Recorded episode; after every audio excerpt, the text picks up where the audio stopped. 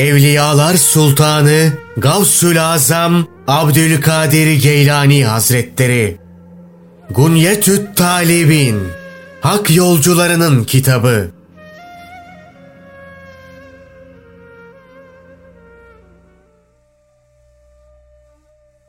Kur'an ve hadislerden öğütler, ilham türleri ve her birinin tipik özellikleri.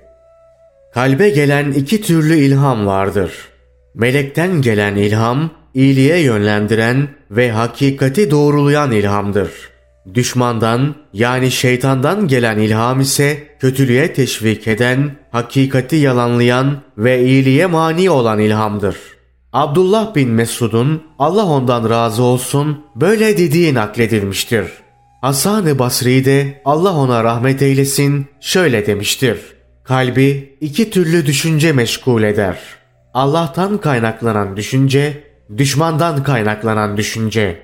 Gelen düşünceyi şöyle bir değerlendirip Allah'tan gelenleri uygulayan, düşmandan gelenlere karşıysa mücadele eden kula Allah Celle Celaluhu rahmetiyle muamele etsin.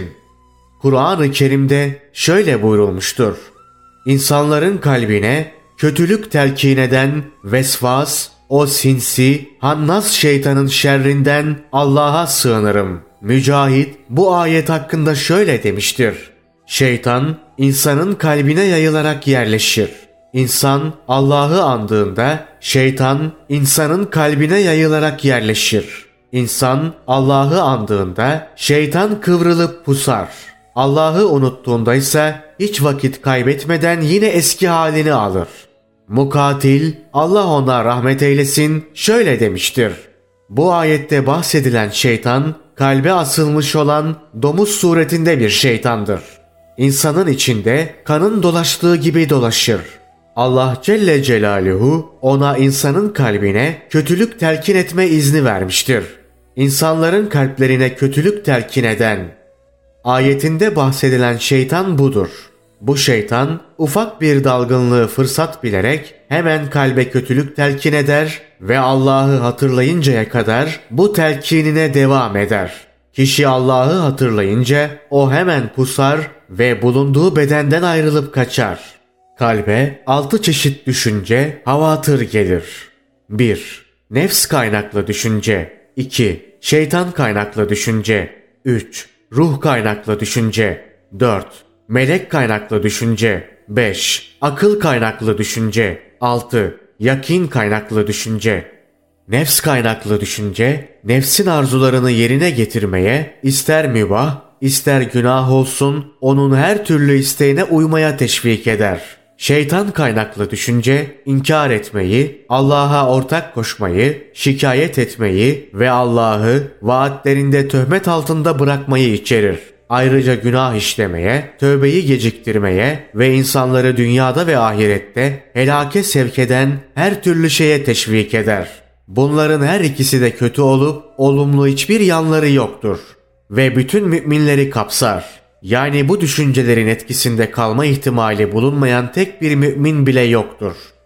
Ruh ve melek kaynaklı düşünceler, hakikati ve Allah'a itaat etmeyi sağlayan, dünyada ve ahirette kurtuluşa vesile olan ve sağlıklı bilgiyle örtüşen şeylere yönlendirir. Bu ikisi övgüye değer olup belirli efsafı haiz kişiler için geçerlidir. Akıl kaynaklı düşünce, bazen nefs ve şeytan kaynaklı düşünce gibi tasvip edilmeyen şeyleri, bazen de ruh ve melek kaynaklı olanlar gibi tasvip edilen şeyleri içerir. Bu Allah'ın hikmetinin ve işini sapa sağlam yapmasının bir gereğidir. Böylece kul iyiliği ve kötülüğü üst düzeyde bir bilinç ve kavrayışla gerçekleştirmiş ve elde edeceği mükafat veya cezayı kendisi hak etmiş olur. Çünkü Allah Celle Celaluhu bedeni hükümlerinin yürüyeceği ve iradesinin hikmetine uygun bir şekilde tecelli edeceği bir alan, aklı da iyilik ve kötülüğün bineği kılmış olup akıl bu alanda iyilik ve kötülükle birlikte hareket eder.'' Çünkü beden Allah'ın yükümlü tutması ve edip eylemesi için bir alan, cennet nimetlerine kavuşmayı veya cehennem azabı ile buluşmayı gerektiren bilgilendirme için de bir sebeptir. Yakin kaynaklı düşünce ise imanın özü ve ilmin kaynağı olup Allah'tan gelir. Bu düşünce çok özel kullara yani yakin ehli, özü sözü bir, şehit ve ermiş olan velilere özgü olup öz be öz hakikati içerir. Bu düşüncenin gelişi epeyce incelikli ve gizemlidir. Sadece ledünni bir ilimle, gaybi haberlerle ve gizli işaretlerle sezilir.'' Bu düşünce Allah'ın sevgisine mazhar olan, kendilerinden razı olduğu, kendilerini Allah'ın yoluna adayan, dış dünyaya ait her şeyden bütünüyle sıyrılan, farzlar ve müekket sünnetler haricinde kalan zahir ibadetleri, batın ibadete dönüşmüş olan kullara özgüdür. Bunlar kalplerini daima gözetim altında tutarlar. Bedenlerinin eğitimini ise Allah Celle Celaluhu üstlenmiştir.'' Nitekim Allah Celle Celaluhu yüce kitabında şöyle buyurur. Benim yar ve yardımcım işte bu Kur'an'ı indiren Allah'tır. O has kullarını hep koruyup kollar. Yani onları dost edinir ve her türlü işlerinde onlara kafi gelir. Kalplerini gaybi sırları gözetmekle meşgul eder. Çevrelerinde bulunan her şeye tecelli ederek kalplerini pür nur eder.'' Kendisiyle konuşmak ve yakınlık kurmak için onları seçmiştir. Onların bilgi, marifet ve nurları gün be gün artar. Gönülden bağlı oldukları mabutlarına biraz daha yakınlaşırlar. Onlar bitmek tükenmek bilmeyen nimetler ve sonsuz, sınırsız bir neşe içindedirler. Fena, yokluk yurdunda kalmaları için belirlenen süre tükenince Allah Celle Celaluhu tıpkı bir gelinin kaldığı odadan müstakil bir eve veya alt kattan üst kata taşındığı gibi onları dünyadan en güzel şekilde ayırır. Özetle dünya hayatı onlar açısından adeta bir cennettir. Ahirette ise gözleri bayram yapacaktır. Çünkü hiçbir perde, kapı, engel ve kapıcı olmaksızın, minnet altında kalmaksızın, kalabalığın içinde ezilmeksizin, birbirine zarar vermeksizin, hiçbir kesinti olmaksızın ve ara verilmeksizin Yüce Allah'ın cemalini seyret alacaklardır. Nitekim Allah Celle Celaluhu şöyle buyurur.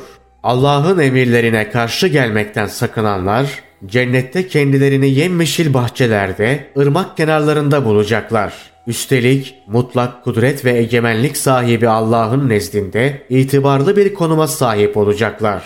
Allah'a kulluk görevlerini hakkıyla yerine getirenlere ahirette çok güzel bir mükafat verilecektir. Onlar için bir de ziyade vardır. Onlar dünyada Allah'a itaat ederek imanlarına yakışır şekilde hareket etmişler. Allah da onları ahirette cennetle mükafatlandırıp güzelce ağırlamış, onlara kurtuluş ve sonsuz nimetler bahşetmiştir. Onlar Allah'a itaat ettikleri gibi kalplerini de arındırarak Allah'tan başkasını memnun etmek için uğraşmamışlar. Allah da ahirette onlara cennet nimetlerinden ayrı bir de ziyade vermiştir. İşte bu ziyade Kur'an'da da ifade edildiği üzere Allah'ın cemalini seyre dalmaktır.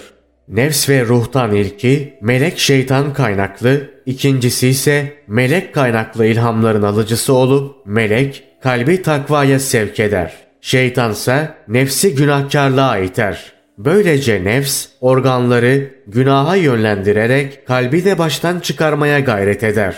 Bedenin iki ayrı bölgesinden birinde akıl, diğerinde ise heva olup bunlar baskın iradeleriyle bedeni yönetmeye çalışırlar. Akıl başarıya ulaştırmak için, heva ise baştan çıkarmak için uğraş verir. Kalpte parlak iki nur bulunup bunlar ilim ve imandır. Bütün bunlar kalbin araç gereçleri ve duyuları olup kalp adeta bir kral, bunlarsa onun adına çalışan askerlerdir.'' ya da kalp ışıl ışıl parlayan bir ayna, bunlarsa görüntüleri aynaya düşen varlıklar yerindedir.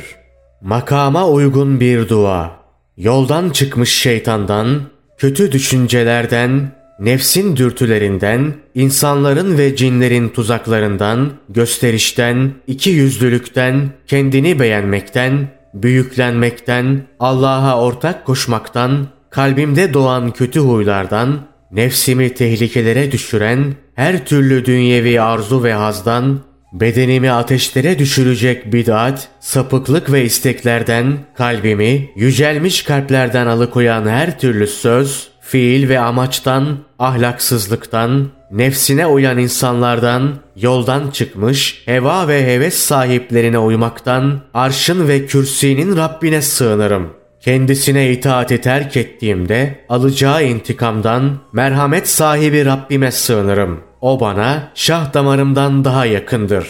Kendisine karşı gelenlere öfkelendiğinde celallenmesinden yine Allah'a sığınırım. Kendisine isyan eden varlıkları kıyamet gününde kıskıvrak yakaladığında heybet ve azametinden yine Allah'a sığınırım.